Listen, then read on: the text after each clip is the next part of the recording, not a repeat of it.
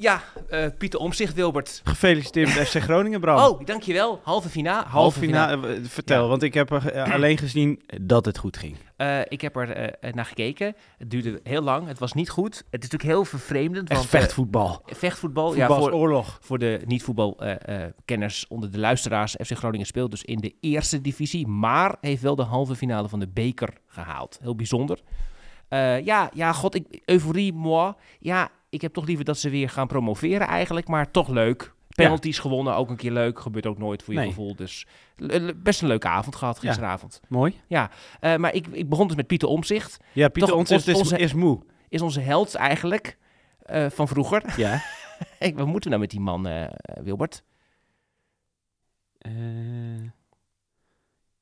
Ja, het, het begint een heel discutabel persoon te worden, langzaam maar zeker, hè? Oké, Of vind je dat we hem nu weer moeten omarmen? ik weet het ook niet. Ik heb, hem, eh, ik heb het gevolgd op de voet. Ik zat, ik zat lang in de trein op eh, dinsdagavond toen alles zich eh, ontwikkelde.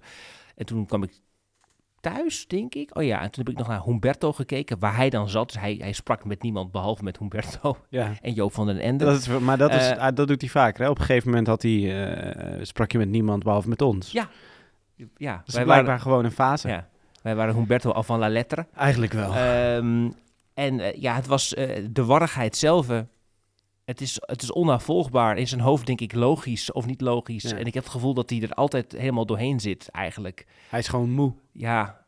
Ik zou er ook moe van worden, joh. De hele tijd met Caroline en, Dylan. En, ja, het is verschrikkelijk. Maar ja, had het dan van tevoren bedacht. En maar, met Geert, hè? Niet vergeten. Daar zou ik eens echt moe van worden. maar in ieder geval, dat hele rechtse kabinet dat komt er niet, denk ik. En daar ga Ja, wat zit je nou te lachen? Ik zit, ik zit gewoon... Ja, ik heb, zit een beetje hoog in mijn energie voor hoe moe ik ben. Jij bent ook al heel moe. Ik ben heel moe, je ja. bent Ik, de Pieter Omzicht van ons drieën, ben eigenlijk. ja, eh, hoofdzakelijk dankzij de NS. En andere Ja. dingen. Ja. Eh, Oké, eh, het is tijd Genoeg voor- persoonlijke verhalen. Het is tijd voor de rubriek. Oh. eh, Ja. De Mark Rutte van de week. Deze man eerlijk En- gezegd goed zit. Dit is, dit is heel verrassend. Ik heb een hele bijzondere Mark Rutte van de week gekozen. Ben ik het? Nee, je bent het niet. Het is het, eh, het Instagram slash TikTok account cash underscore catch. Bram, vertel. Nou, dat las ik in. Ik, Ik- moet zeggen, ik heb het niet zelf bedacht. Ik las er uitgebreid over in de Volkskrant gisteren. Wat is het?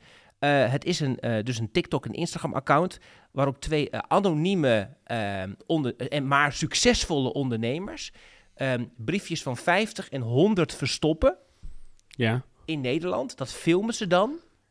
Eh, dan gaan mensen dat dus zoeken en dan filmen ze dat mensen dat dan vinden. Maar ze filmen natuurlijk ook alle mensen die dan te laat zijn en het niet vinden. Het is, en daar zijn ze dan heel trots op. En dat is natuurlijk een heel succesvol Instagram en TikTok account. En ik vind het zo goor. En ik vind het zo guur. Het is gewoon zo'n... Het zo is toch dat, dat mopje? kapitalistisch. Zo, dat Wat? mopje van een, een, een portemonnee aan een touwtje. Ja, maar dan is het Maar gewoon- dan filmen. Ja, maar het is, het, ga- het is toch heel, het is toch super smerig dat je dan een filmpje maakt dat je ergens een honderdje verstopt omdat je blijkbaar zoveel geld hebt verdiend aan weet ik veel wat dat je dat kan doen. Aan dat, je dat, mensen aan dat account. En het erge nog daaraan is, is dat er nu ook ehm, bedrijven zijn die dat dan weer sponsoren. Dus dan doen ze dat honderdje bijvoorbeeld in een envelopje van bedrijf X. Daar staat het logo dan op. Nou, ik, ik werd gewoon gek. En, en, en, en de misschien Volkskrant, eh, Haro Kraak schreef daar een artikel Misschien over. wat voor ons. Een reportage. Ik ben niet uitgepraat, Wilbert. En- met de linkse mannen erop. Ja, en dan, ja, nou, muziek kunnen we sponsoren voor 150 euro ongetwijfeld. Eh, en Haro Kraak schreef daar een reportage over. Ik snap dat je neutraal moet zijn, maar het was ook wel alsof het leuk was. Gewoon het is toch niet Nee. leuk? Nee, Dit je- is niet leuk! Nee, en als mensen voor 100 euro ergens helemaal naartoe willen gaan. Dat zegt En- toch heel veel over dan de, Hoe- de geldzorgen misschien van mensen of hoe belangrijk dan 100 euro is. Het is niet grappig dit. Nee. Cynisch, Dus, cynisch kapitalisme, mensonteerlijk kapitalisme, cash underscore catch. De Mark Rutte van de week. De Mark Rutte van de week. Deze man eerlijk gezegd goed zit. Maar wat lossen we vandaag op, Wilbert?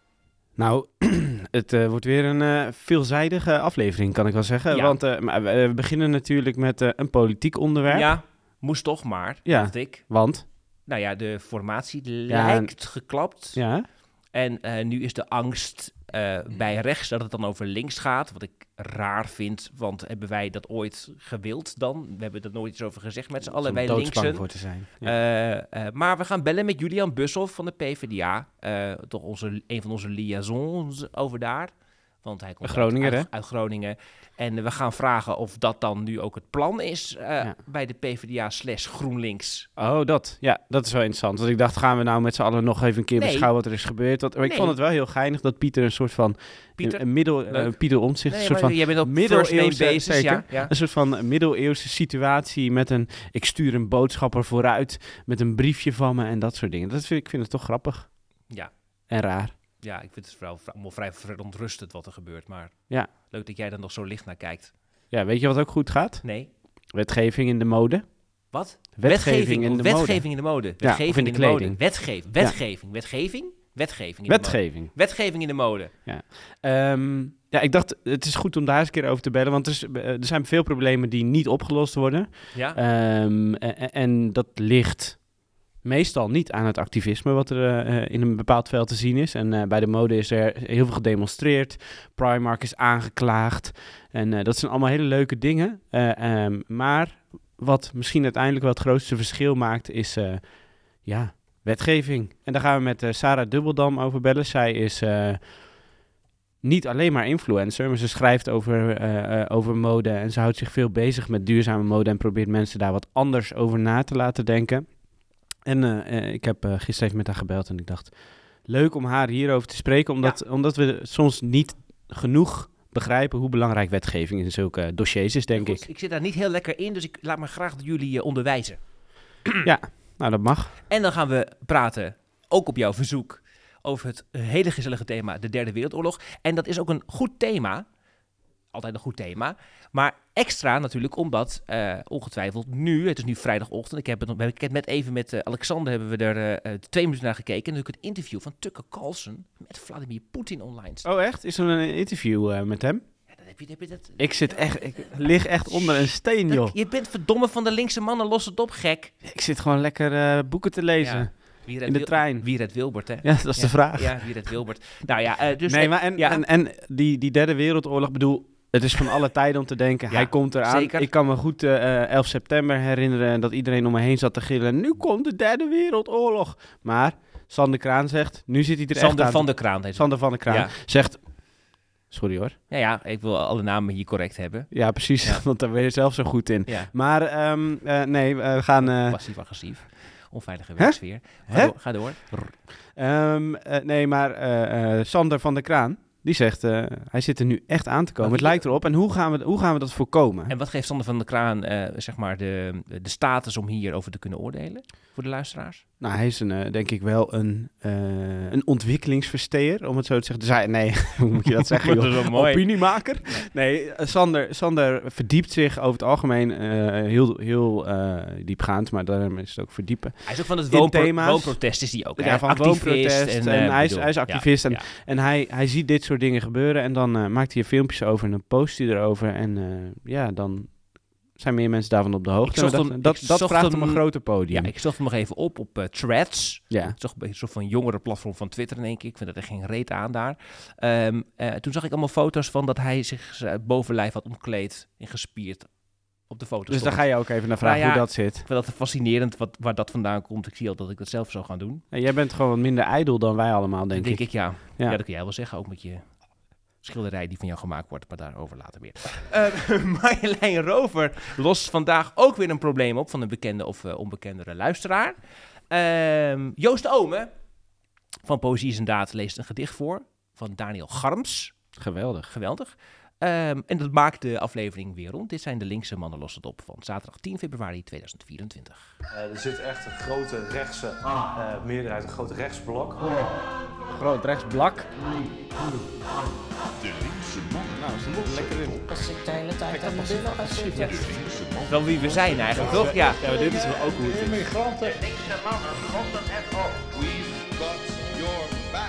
We've got your back. Swag, swag, swag.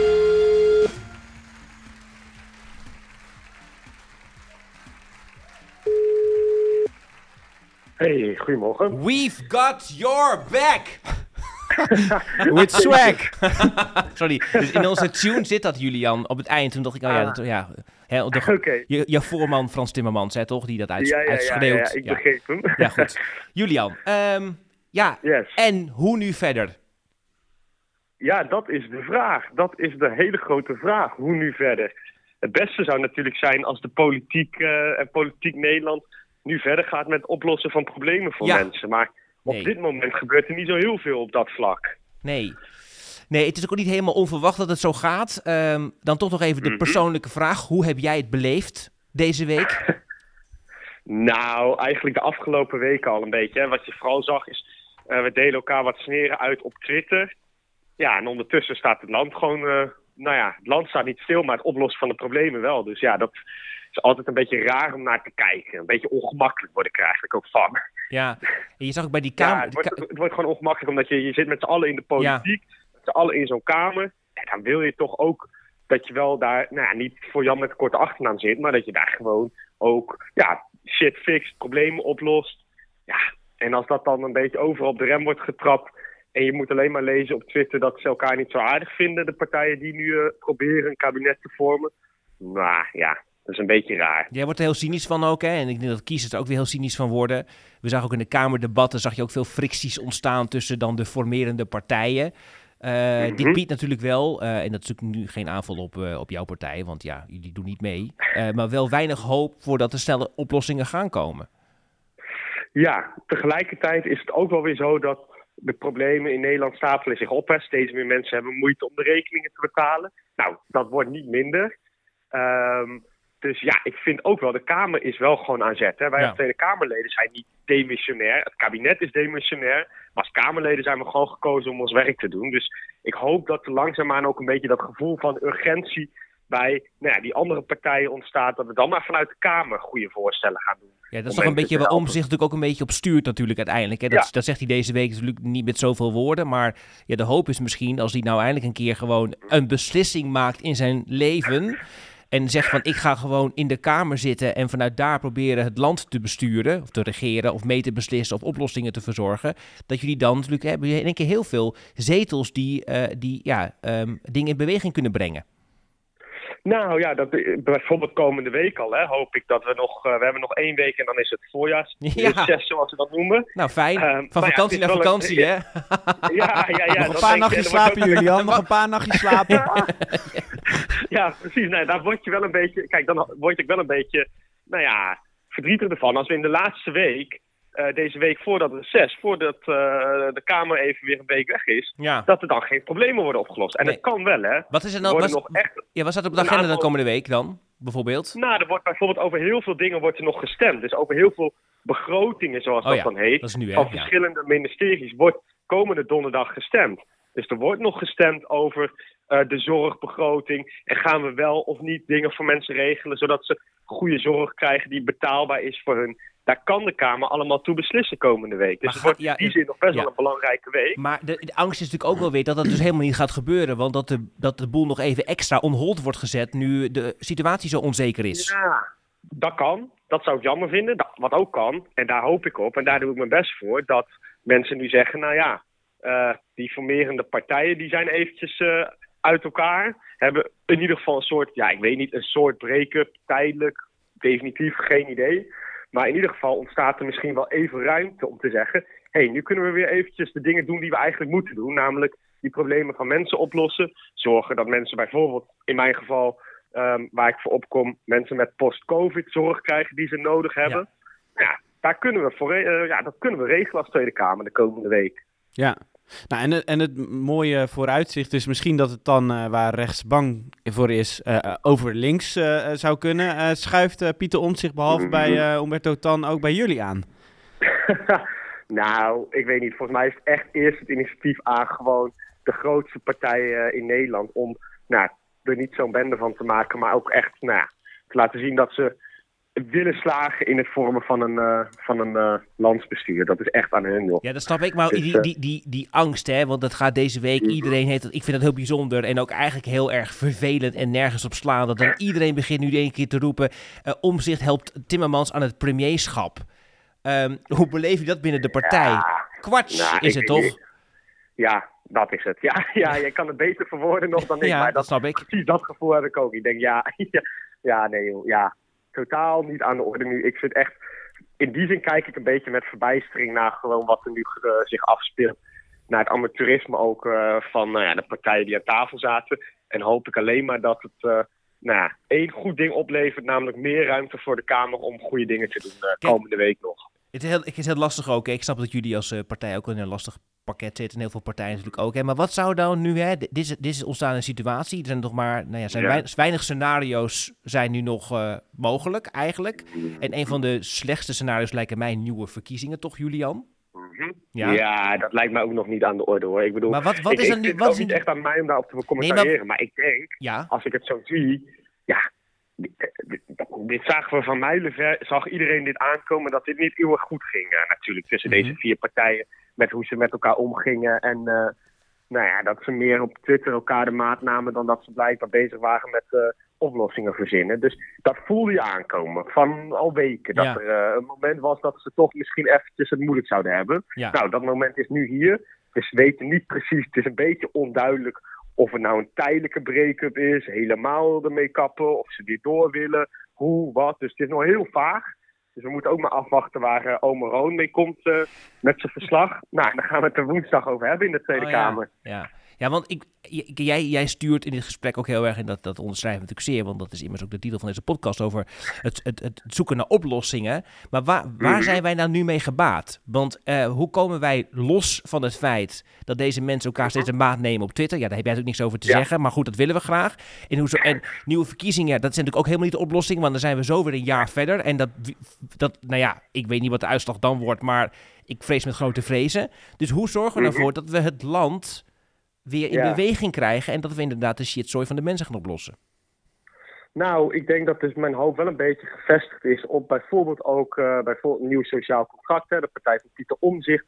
Dat die ook nu wel zegt, nou ja, dan gaan we maar een aantal goede dingen doen vanuit de Kamer de komende tijd. En dan kunnen ze nog steeds doorpraten. hè. Ik bedoel, dat moet ook gebeuren. Ze moeten gewoon weer met z'n allen, eh, nou ja, denk ik, weer aan tafel gaan en weer eens doorpraten de komende tijd. Tenminste, als ze dat nog willen. Dat gaan we woensdag horen. Ehm, maar ondertussen is het zaak dat ze gewoon ook beseffen dat mensen niet zo lang kunnen wachten op totdat zij, totdat zij een eh, kabinet hebben gevormd. Ja, en dat we dan dus gewoon vanuit de Kamer eh, wat meer mandaat nemen. En dat hebben we ook gewoon om goede voorstellen te doen. En ik denk wel, hè, ik ben niet helemaal eh, de politiek in te gaan om niet optimistisch te zijn. Dus ik ben ook een beetje optimistisch. Dat dat toch wel langzaamaan dat besef hopelijk ook doordringt bij een aantal collega's van mij. Ja, ik hoop het ook. Ik mag het hopen. Ehm, Is, is er eigenlijk een, een periode eerder geweest, of, of, of moeten we daar Mhm. voor naar onze zuidenburen kijken, waar we heel lang bijvoorbeeld gewoon niet een kabinet hadden, maar er wel veel eh, belangrijke dingen op zo'n manier door de Kamer zijn gekomen? Nou, de vorige keer duurde de kabinetsformatie van eh, Ja. de vorige partijen ook echt bijna een jaar. Dat was toen een Nederlandse record, niet eentje om trots op te zijn. Maar die duurde toen heel lang. En toen zijn er best wel ook een aantal belangrijke beslissingen gemaakt. Die ook best wel veel geld kosten. Toen is besloten om bijvoorbeeld het eigen risico te bevriezen. Dat kostte best wel veel geld. mhm. Eh, was een belangrijk besluit, maar is gewoon genomen door de Kamer. eh, terwijl die partijen met elkaar aan tafel zaten om eh, een nieuw kabinet te vormen. Dus het is echt niet zo dat er helemaal niks in het verleden is besloten door de Tweede Kamer. Nee, zeker. terwijl er geformeerd werd. Dat gebeurt wel vaker. En ik snap enige terughoudendheid, snap het heus wel.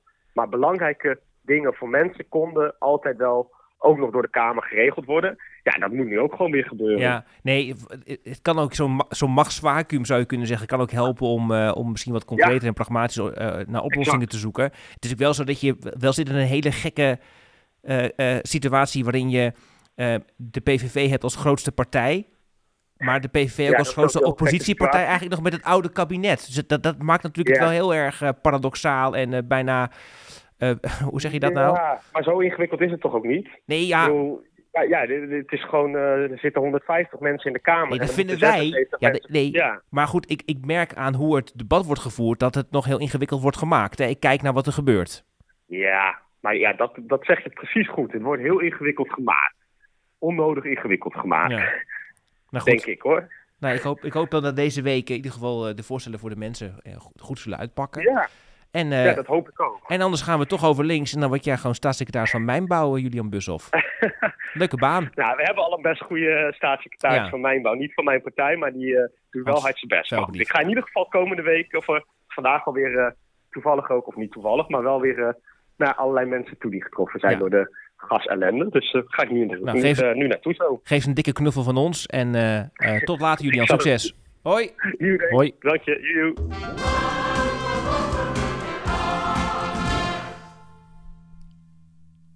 Goed dat je luistert naar de linkse man.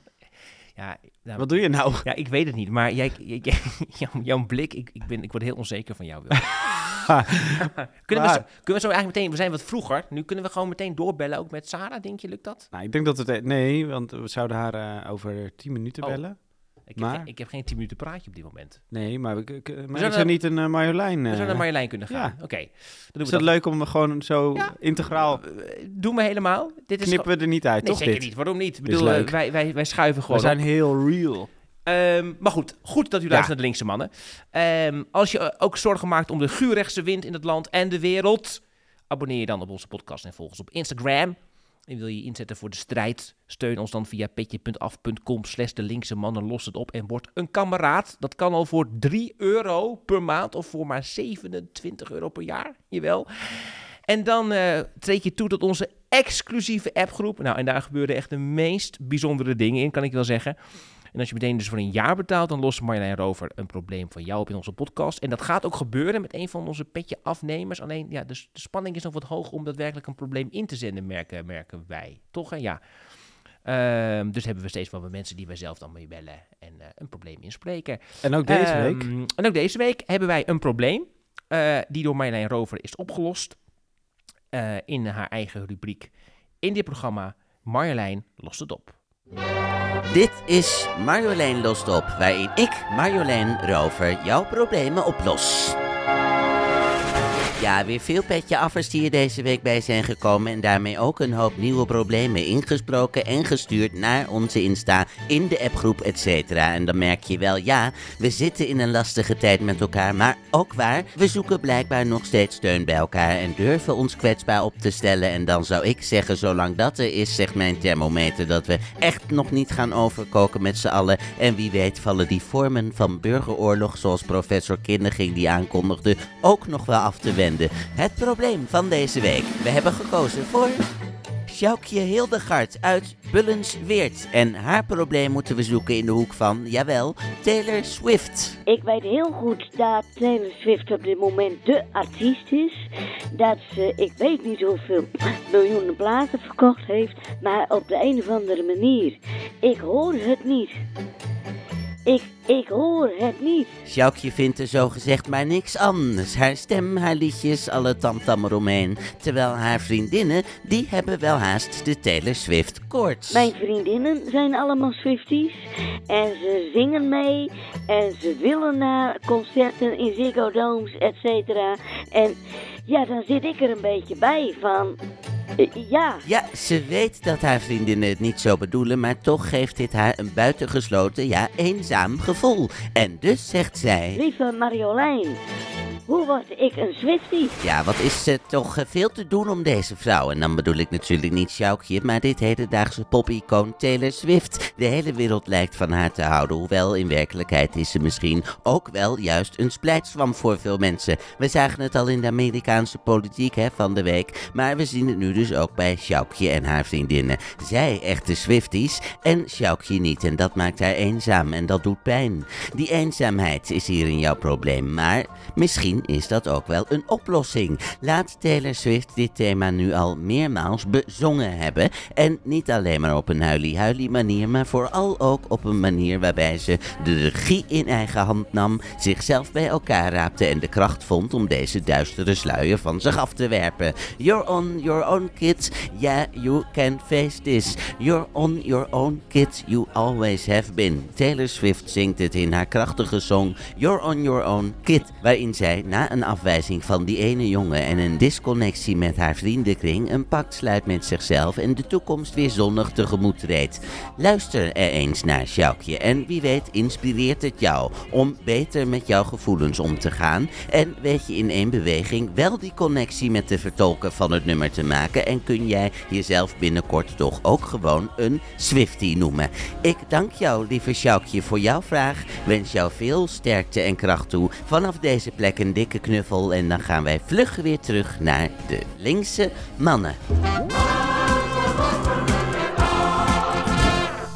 Kan dit wel op Spotify, vraag ik mij af. Of nu zo'n stuk van Taylor Swift zomaar in de... Jawel.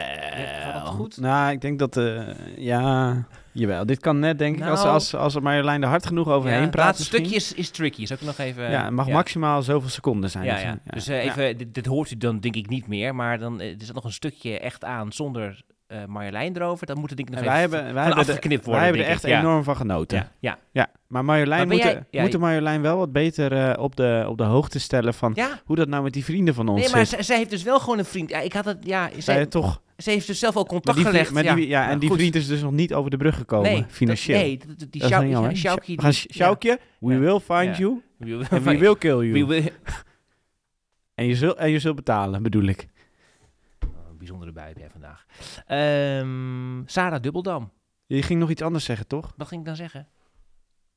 Nou, dat dacht ik. Oh, wat ik van Taylor Swift vond. Ja, Of vind. ja. Dat ging je nog vragen. Wil je het daar nog over hebben? Nou, nee, ik heb, Nou. daar, ik heb daar bijzonder weinig mee. Ik luister daar nooit naar. Ik heb alleen die rel gevolgd dat, dat dan het idee is dat Taylor Swift Biden aan het presidentschap zal gaan helpen. Oh ja. Door zo van op te gaan treden bij de Super Bowl en dan een statement in te gaan nemen samen met een of andere American voetbalspeler. Met wie Dat is een vriend. relatie heeft. Ja, Ja. een vriend, ja. ja. Nou, ik luister naar Taylor Swift bij mijn producent in de auto. Die luistert daar heel graag naar. En ik vind het ook leuk. Zij vertelt er heel graag over. bij mijn producent in de auto. Wat is er met je aan de hand dit jaar? Dit wordt een heel, dit- hoe loopt dit af in 2024 met je producent in de auto? We gaan door. En wil je ook dat de Marjolein een probleem voor jou oplost? 3 euro in de maand? Nee, helemaal niet 3 euro in de maand. 27 euro per jaar. Dan Eh, los een probleem dan voor je lost op. Anders ben je een alleen maar vriend van ons en dan zit je in de appgroep. Dan heb je alleen maar met ons te maken, niet met Marjolein. De linkse mannen lossen het op. Sarah Dubbeldam. Ja. Wie is dat en waarom gaan we haar bellen? Eh, Sarah is ondernemer Ja, eh, in duurzaamheid en vooral eh, mode en dat soort eh, eh, aanverwante zaken.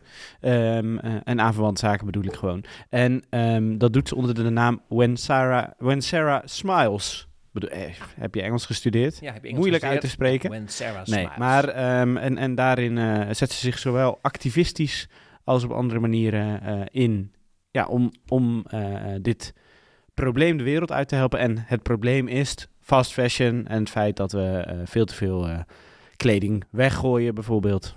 ja. En ze heeft ook een aardige Instagram-account waar mensen haar volgen. Toch? Zeker. Ja, dat Ja. is allemaal wel weer wat meer dan wij hebben op dit moment. Maar daar gaat het niet om. Maar daar gaat het niet om. Hoi, met Sarah. Hallo, met Hallo. eh, Wilbert en eh, Bram. zit hier tegenover Hallo. mij. En daar praat ook mee, denk ik. Hallo. Zeker? Hallo, Ja. Sarah. Hi. Sarah, ik moest jou net eh, introduceren. En toen zei ik, ja, je bent ondernemer in duurzaamheid, mode eh, eh, eh, en, en dat soort dingen. Eh, maar Ja. jij hebt denk ik zelf een betere elevator pitch, of niet? Eh, nou, daar ben ik niet zo goed in, maar ehm, ja, ik eh, ben duurzame modeactivist en storyteller ook. En ik eh, run ook een online platform over duurzame kleding, waarop ik dan eh, ja, zowel de schaduwzijde laat zien als de duurzame alternatieven ook echt een podium geef, want het is heel hard nodig. Ja, En ehm, ik onderzoek ook heel veel duurzaamheidscommunicatie van merken en greenwashing. En eh, ja, ik merk ook gewoon dat actie ondernemen ehm, steeds meer zin heeft. Dus vandaar dat ik vorig jaar ook een greenwashingzaak tegen Primark heb eh, gedaan. Gewonnen ook gelukkig. Dus ehm, ja, dat, eh, dat, ik heb steeds meer vuur om ook die kant op te gaan, merk ik. Een greenwashing-zaak tegen Primark. Wat voor zaak was het dan precies? Ja, dat ging over de duurzaamheidscommunicatie in winkels. Zij communiceerden met eh, hele grote metershoge banners waarop ze dan echt hele grote dingen zeiden zoals eh, wij maken onze kleding circulair zodat de wereld kan blijven draaien. Met hele grote letters. Afschuwelijk. Echt best heftig. Ja. En daaronder eh, op enkelhoogte stond dan van tegen 2027 zal onze kleding recyclebaar zijn. Al een soort disclaimer. Maar Ja. niemand leest dat natuurlijk, want er staan kledingrekken voor. Het fashion winkelpubliek eh, heeft daar helemaal geen oog voor. En dan zeiden zij nog van nou, we verwijzen naar een QR-code. En dan op de website kun je informatie lezen. Maar er stond ook helemaal geen stappenplan hoe ze daar gaan komen. Dus ik dacht, het is genoeg eh, voor een zaak. Ja. En dat was, eh, zo hebben ze allerlei van dat soort banners hadden ze hangen. En die hebben ze moeten aanpassen of moeten verwijderen. Ze zijn allemaal verwijderd inmiddels, ja. Ja, goed zeg. Ja dat is gek. ja. En ehm, ja, dat, dat, dat is dan echt een hele eh, grote stap eh, die je door middel van activisme of door zo'n zaak eh, te starten kan, kan zetten. Maar er gebeurt op dit moment wel meer hè, in mode. Want ook op het gebied van wetgeving gebeurt er bijvoorbeeld vrij veel. Ja, zeker. Nou, er, er komt vooral heel veel aan, wat, wat allemaal heel hoopvol is. Dus vooral op EU-niveau zijn er vier wetten waar ik heel erg naar uitkijk. Je hebt natuurlijk de anti Dat vind ik alleen al een hele leuke van- zin. Er zijn vier wetten waar ik enorm naar uitkijk. Lijkt op Pieter, Pieter, een beetje de Pieter Omzicht zou dat, dat ook kunnen zeggen, Ja. denk ik. Ja. Ja. Nee, ja, nee, er gebeurt dus echt een hoop. Dus je hebt, die, eh, je hebt een anti-wegkijkwet van onze eigen Lara Wolters, eh PvdA GroenLinks. Echt te gek. Die heeft er vier jaar lang keihard voor gestreden.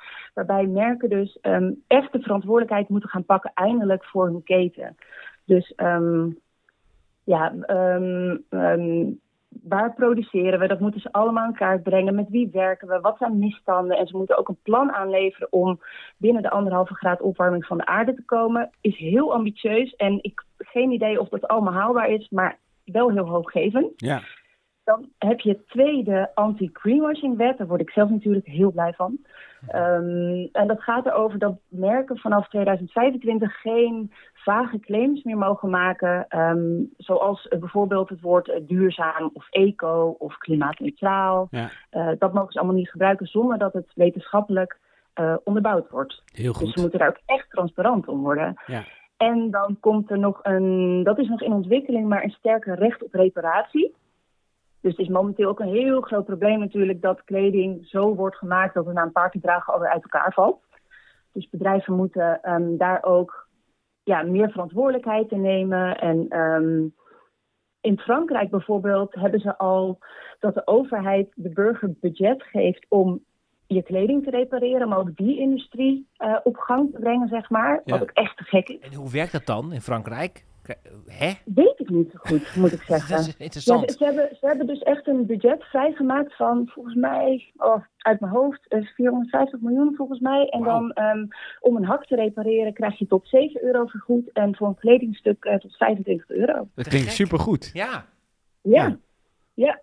En dan, zit, en dan zitten we al op drie wetten. Die, die vierde, Dat gaat over het eh, verbod op het vernietigen van kleding. En dat wordt ook nog met de tonnen tegelijk gedaan. Dus bedrijven moeten ook echt meer verantwoordelijkheid gaan nemen om eh, ja, hun restvoorraden, om daar ook iets goeds mee te gaan doen. Ja, want, want daarmee volgens mij, zeker met die laatste wet, komen we ook een beetje wel bij de kern uit van wat er op dit moment het probleem is in de mode. Toch het feit dat er zo'n eh, e- enorme vaart zit in de hele tijd maar nieuwe kleding, de oude, eh, de oude kleding die dan nog in de winkel eh, hangt, daar, daar moet dan iets mee en dat wordt dan vernietigd of iets dergelijks. Want Ja. hoe, hoe zijn we daar, ja, we hoeven niet de hele geschiedenis te vertellen, maar hoe zijn we daar terechtgekomen en hoe ziet die situatie er dan nu uit?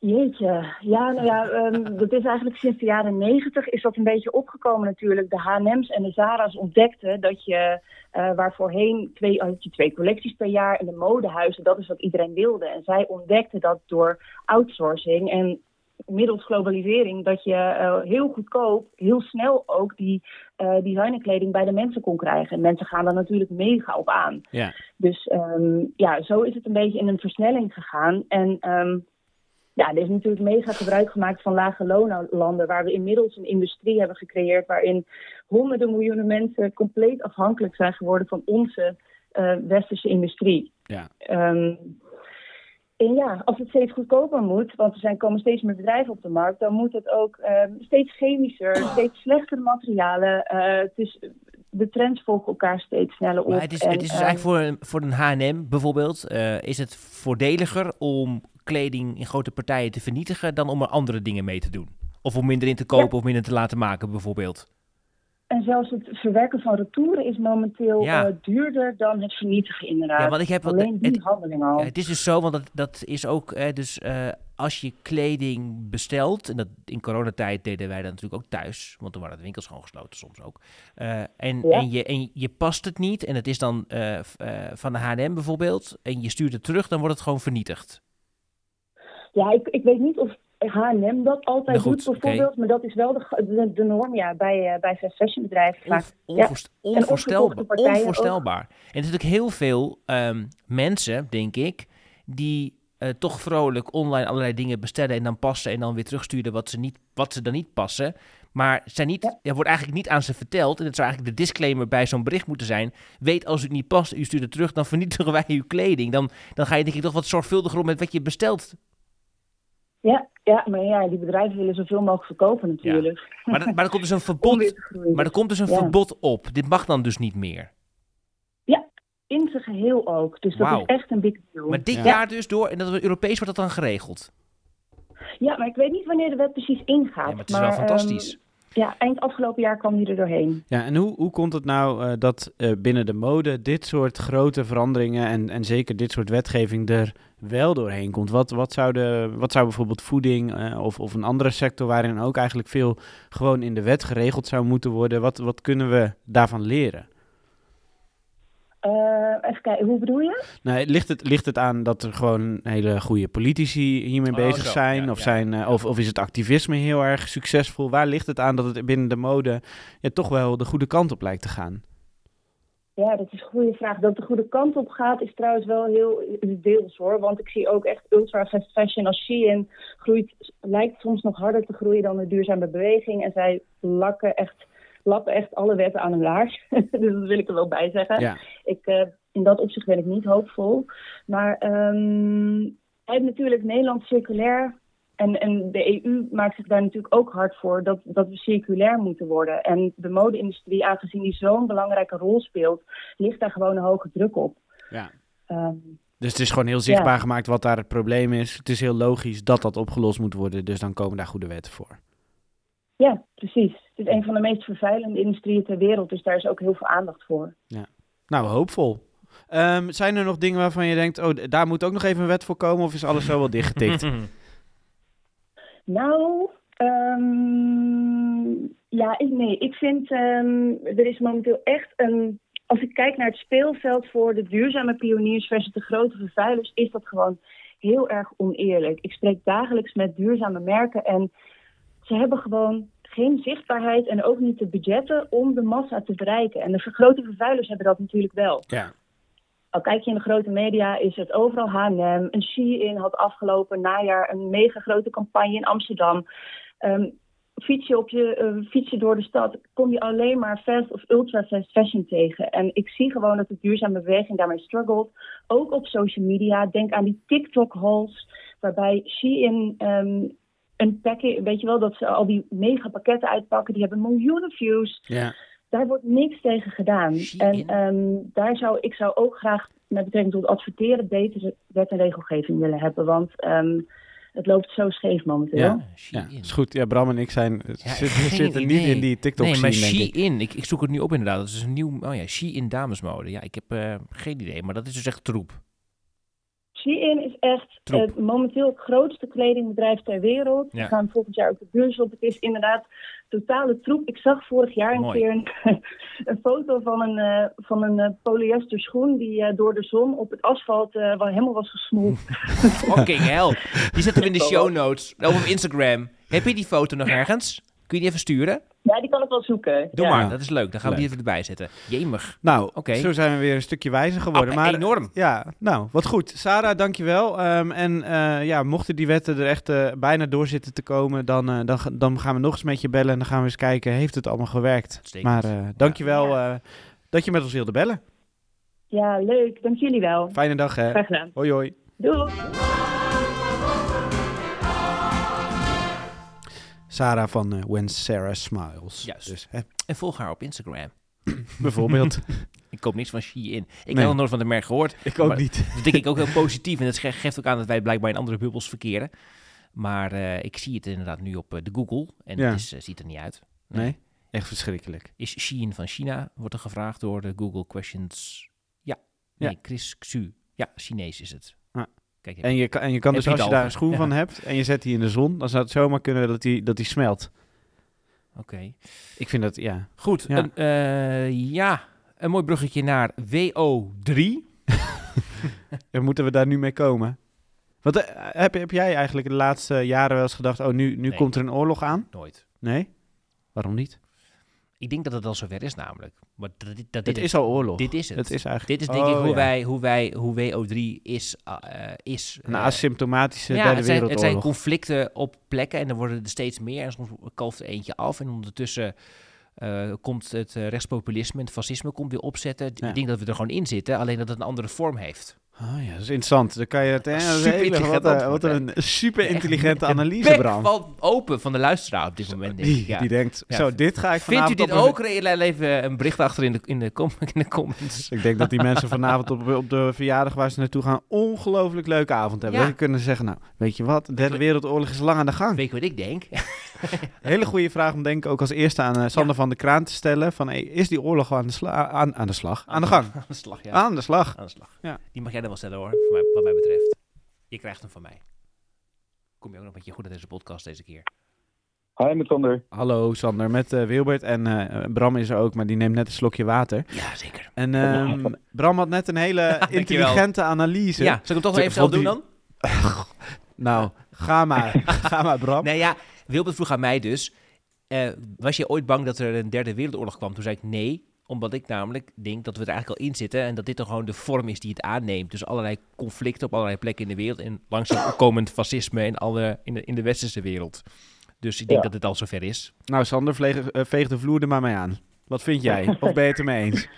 Nou, ik denk dat. ehm, ja, dat is een lastige. Kijk, als je het hebt over de Derde Wereldoorlog, dan heb ik toch eerder het beeld van grondoorlog tussen wereldmachten. Ja, oké. Ehm, en, want anders dan zou de Koude Oorlog ook wel in de buurt komen van eigenlijk de Derde Wereldoorlog. Ja, dan hadden we die al gehad.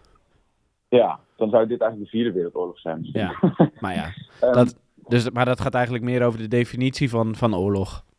Ja, maar nee, ik denk dat wel een punt te maken is. Nou, wel, ik denk dat er bijvoorbeeld in de jaren negentig en in de zero's ook nog wel, ehm, wel echt een soort van geopolitiek veel stabielere situatie was. Mhm. Tot aan zeg maar, Irak, eh, de invasie van Irak. Ehm, als je kijkt naar een soort van de verhoudingen tussen eh, Rusland, VS en eh, China. En dat die echt in de afgelopen nou, tien jaar die, is, dat, is dat natuurlijk veel meer op scherp komen te staan. Dus ik denk wel dat we echt in een escalatie zitten. Maar Dat- is wel interessant, dat want we gaan toch een- ook een klein beetje dan de geschiedenis in. Altijd leuk, hè? Dus in 1989 viel de muur. Eh, Ja. In mijn hoofd, eh, jij zegt Irak, eh, dat was het eigenlijk vrij snel daarna alweer. Eh, Ja. Maar in mijn hoofd is natuurlijk 2001 een- de kentering geweest dat de wereld weer een stuk instabieler werd. Eh, maar jij zegt eigenlijk met de inval in Irak was het eigenlijk al wel weer voorbij. Irak was toch gevolg van 2001? Maar bedoel je dan Irak in de jaren 90 of in Irak in de jaren 0?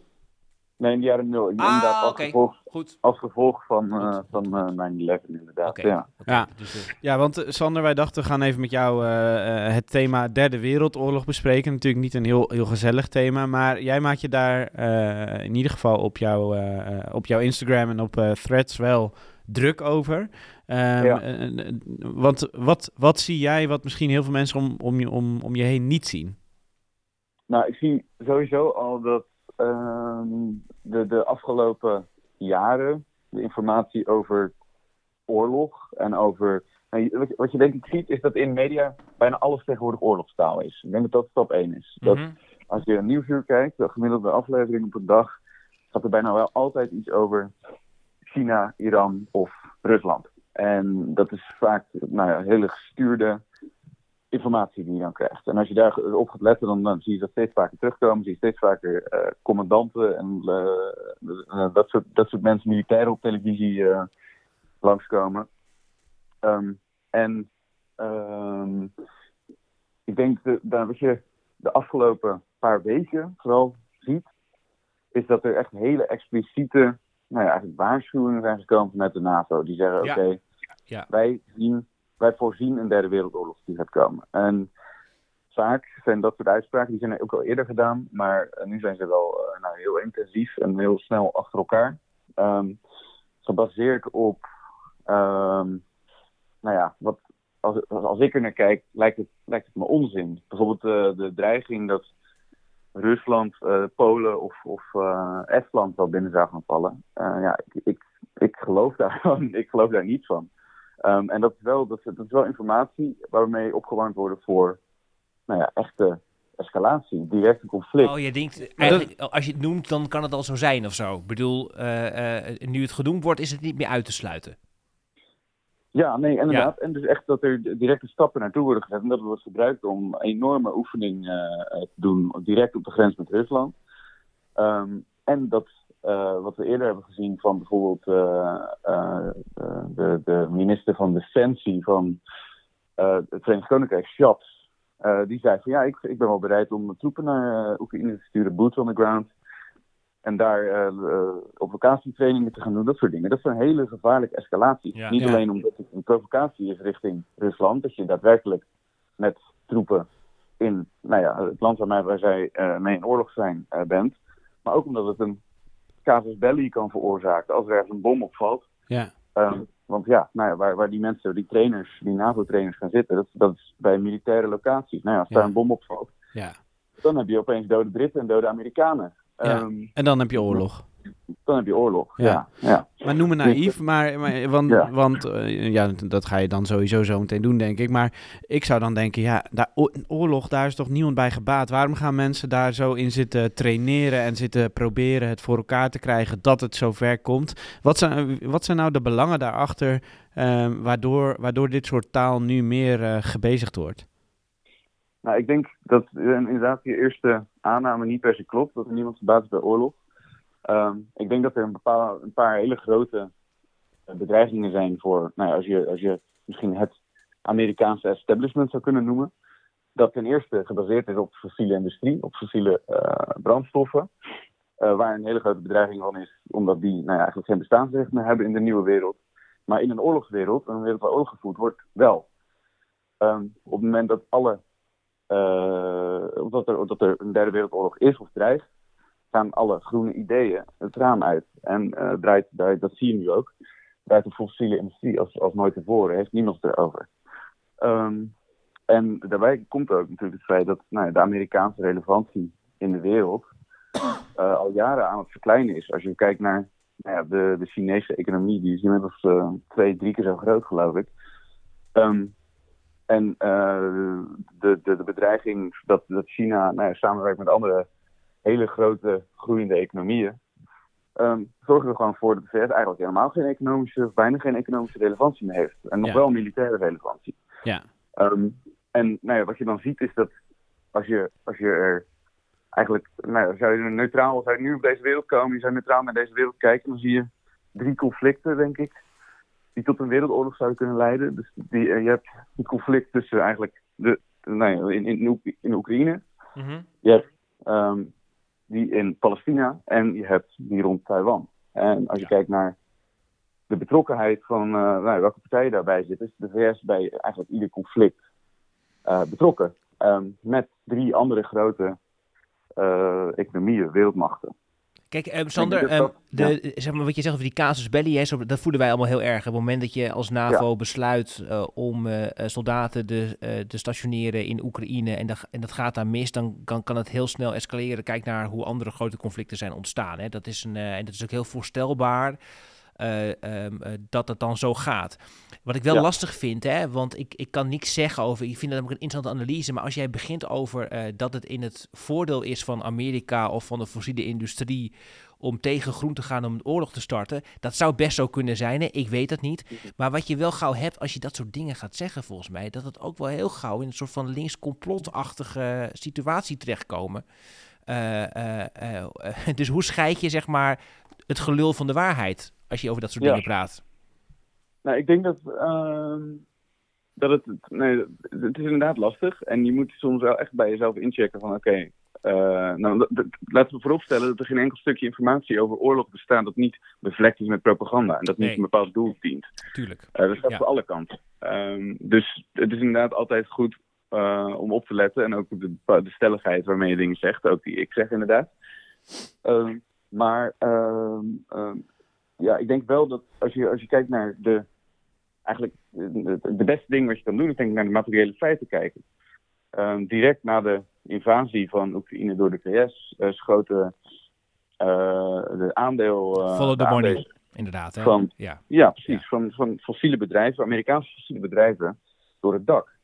Ehm, daarbij komt dat de, heel Europa een hele grote afhankelijkheid had van Russische fossiele brandstoffen. En deels nog steeds heeft via Azerbeidzjan.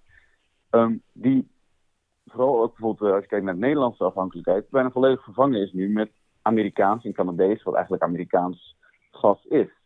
Ehm, en je ziet dat die, eh, de bedrijven die daar, bijvoorbeeld ExxonMobil en dergelijke, die dat uitbaten, en dat, die zijn, die zijn nou ja, verdubbeld in waarde in die tijd. Ehm, en ik bedoel, dat betekent niet direct dat er een paar mensen van fossiele, van bedrijven zitten en zeggen: Oké, we moeten die oorlog gaan voeren. Maar het kan wel degelijk betekenen dat er bepaalde baat is bij oorlog voeren. Ehm, en eh, dat er daardoor stappen gezet worden die nou ja, eh, eh, naar escalatie, of de es- escalatie veroorzaken. Ja, ja. En En, ik denk dat, ja. ja, en, en eh, de- altijd dat dingetje wat we dan zeggen. Maar ja, wij zijn de linkse mannen, lossen het op. En, en, en dit lijkt dan de verkeerde kant op te gaan. Maar welke, welke stappen kunnen we zetten? Behalve eh, dat werk wat ook belangrijk is, eh, wat jij doet. door het gewoon ons te laten zien. Wat bedoel, alleen ons er bewust van zijn verandert het niet, denk ik. Nee, Ehm, nou, wat ik denk dat heel belangrijk is, is dat er vanuit de samenleving weerstand komt eh, tegen oorlog. en Julian Assange zei dat al heel mooi. Die zei, wat je ziet als je kijkt naar iedere oorlog over de afgelopen 50 jaar, zie je dat die allemaal begonnen zijn en goed gepraat zijn met leugens in media. En dat zegt aan de ene kant dat de media heel eh, machtig is. Aan de andere kant betekent het ook dat leugens nodig zijn om een bevolking te overtuigen van de noodzaak van oorlog. Dus dat betekent dat de bevolking eigenlijk nooit te wachten, zit te wachten op oorlog. Dus dat is een positief eh, nou ja, verhaal. Ja. Ehm, en ik denk dus dat we daar iets mee moeten. En dat we daarop moeten mobiliseren en klaar moeten zijn voor nou ja, bepaalde escalaties. Daar moeten we op anticiperen.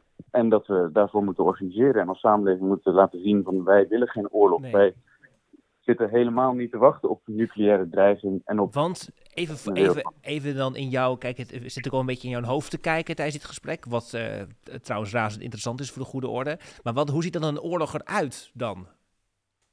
Nou, ik denk dat het ehm, in eerste instantie, en dat zijn ook al stappen die nu al worden gezet, is eh, het bewegen naar een oorlogseconomie. Eh Joseph Borrell, een van de hoogste pieven van de EU-commissie, die heeft ook al meerdere keren gezegd dat eh, we naar een oorlogseconomie toe moeten bewegen. eh, als Europa zijnde. Ik denk dat dat het allereerste gaat zijn. Dat eh, de, de, de rangen zich sluiten en dat nou, hele samenlevingen ingericht gaan worden op oorlog. Ehm, daarbij wordt er natuurlijk gepraat over dienstplicht ehm, en over het aanscherpen daarvan. Ja, dat snap ik. ook- Ja, dat zijn allemaal bewegingen naartoe. Maar betekent het... dat- Ik wil niet een heel erg eh, apocalyptisch scenario hier schetsen. Op de zaterdagochtend voor de mensen. Eh, Ja. Maar betekent dat het werkelijk echt eh, dat eh, in, in, in, hier in, bijvoorbeeld in Groningen, waar we dit opnemen, eh, gevochten gaat worden in jouw hoofd? Of dat het toch allemaal wat ja, sub, subtieler Nee. plaatsvindt? Ja. Nee, dat lijkt me niet. Eh, Nee. Ook omdat ik niet geloof dat, eh, dat eh, Poetin ambities zou hebben voorbij eh, nou ja, waar, waar die frontlinie nu ligt. Niet, hij denkt niet direct aan Groningen de hele tijd. Nee, precies. Je zit niet van, oké, die gasbubbel die daaronder ligt. Die ga ik Nee, nog even eh, pakken. Ja. Maar ehm, eh, dus dat, dat denk ik niet. Ik denk eerder dat we als samenleving betrokken kunnen raken. Mhm. En dan heb je natuurlijk wel, nou ja, als je, laten we eerlijk zijn, op het moment dat dus de NAVO, dus dat die casus belli gebeurt, er is en dat er een, een directe oorlog komt tussen NAVO en Rusland of een andere eh, wereldmacht, Ja, dan heb je... dan ja. is Nederland ook in oorlog. dus dat betekent ja. dat onze infrastructuur en onze samenleving ook, nou ja, legitieme dan quote-unquote oorlogsdoelen zijn. Eh, dus ook de Rotterdamse haven, ook de, eh, de, nou ja, de, de steden, de, nou ja, eigenlijk alles wat, wat Nederland draaiende houdt. Ja. Ehm, En sla- slaap je nog wel een beetje, Sander? Of eh, lig je nu wakker hiervan s'nachts? ik, eh, ik slaap nog wel, ook Gelukkig. omdat het moet. En, eh, Ook omdat het moet, anders had je er niet voor gekozen. nee. Eh, en omdat we, omdat, we, omdat we wakker moeten blijven. Dat is ook belangrijk. wakker moeten blijven. Ook ja, weet je, weet je wat zo grappig is, Sander? En ik weet dat je niet zo bent, maar het is altijd zo... eh, maar dat is, dat is hoe ik interpreteer. Dat als je over dit soort termen praat en dit soort theorieën praat, dat, het, dat, dat dan zeg maar, uitdrukkingen van ons, zeg maar, linkse mensen altijd dicht aanschuren tegen hoe rechts zich ook als woke of wakker en zo. Ik vind dat altijd inge... Ja. Ik, ik weet dat, het, ik- dat je die onderuit kan als je die over praat, maar dat maakt het ook complex en soms een beetje verdacht. Ik vind jou niet verdacht, Sander, maar je begrijpt wat ik bedoel, hoop ik, hè?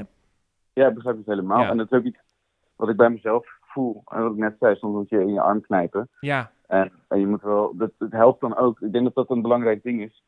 ehm, dat mensen erover praten. Ook mensen die je heel serieus Juist. nemen. absoluut nee. Want ik denk ook dat het helpt inderdaad. Dat je niet eh, elkaar meteen weer de maat neemt om het gebruik van de verkeerde woord of term. Maar juist door er open over te praten, kom je waarschijnlijk wel tot de kern van het verhaal. Nou, ja. prachtig. En dat doen we hier bij de Linkse Man elke week. Nou, ehm, bedankt voor die, eh, voor die eh, gelegenheid. dankjewel Sander. Sterkte dan maar. Ja. Maar jij woont in Nou, Amsterdam, jullie- jij woont in Amsterdam toch? Eh, Rotterdam. Ja, maar die pakken ze als eerst. Ja, ja, daar gaan we. Je- ja. We hebben hier, eh, we hebben hier eh, een schuilplaats voor. Maar wij zijn solidair Ja, en ja. ik heb een logeerkamer, dus je komt maar langs. Dus, ik mag bij jullie. Je mag Zeker, bij ons. je mag bij ons. Mag, je, mag ik dan bij jou? Ehm, Dan draaien we nu, draaien we nu dat Claudia de van Claudia de Brij. Nee, dat doen we niet. Dag Sander, doei. Hoi hè. Doei, dankjewel. Hoi. Wat ik wel interessant... Ik, ja, ik, ik, nou, ik heb het ook met hem gedeeld, maar het is, wel, ik, het is wel lastig. Ik denk, ja, je kan ook in een fuik terechtkomen als je dit soort dingen zegt en dit soort dingen gaat zoeken. En dan is het er ook in één keer Dat zo. je het zelf versterkt. Ja, Ja. maar wat ik wel interessant vind aan zijn verhaal is dat het natuurlijk, je kan zeggen, ja, het kapitalisme staat on, erg onder druk door allerlei bewegingen in de wereld. Of het nou eh, het verhaal is van Sarah, of het Ja. is het eh, gewoon natuurlijk de transitie van fossiele industrie naar groene industrie. Dat in feite natuurlijk, ja, en, maar het kapitalisme heeft nog wel iets in handen waarmee ze de wereld kunnen ontwrichten. Ja. En daar is zeg maar, en, en we kunnen het niet bewijzen, uiteraard niet, maar dat is wel een interessante, in ieder geval gedachte die je zou kunnen onderzoeken. Ja. En dat het is, is een wel, beetje zo'n kat in het, in het nauw, toch? Het Ja. kapitalisme op dit moment. Tenminste, ik denk, dat is misschien wel heel erg understatement voor wat het kapitalisme nog is. Maar je ziet wel Nou. inderdaad dat op allerlei manieren het aan het vechten is om te overleven. Ja, en, en, en, en, en- nou ja, en dat is interessant eraan, zeg maar. En die deur opent Sander wel. Ehm, nou ja, dus dat. hè? Dat dus. Ja, Nou, dus dat. Ja. Ook even mijn samenvatting van eh, de gesprekken van vandaag. ja, De woorden van vandaag zijn ja. even afwachten.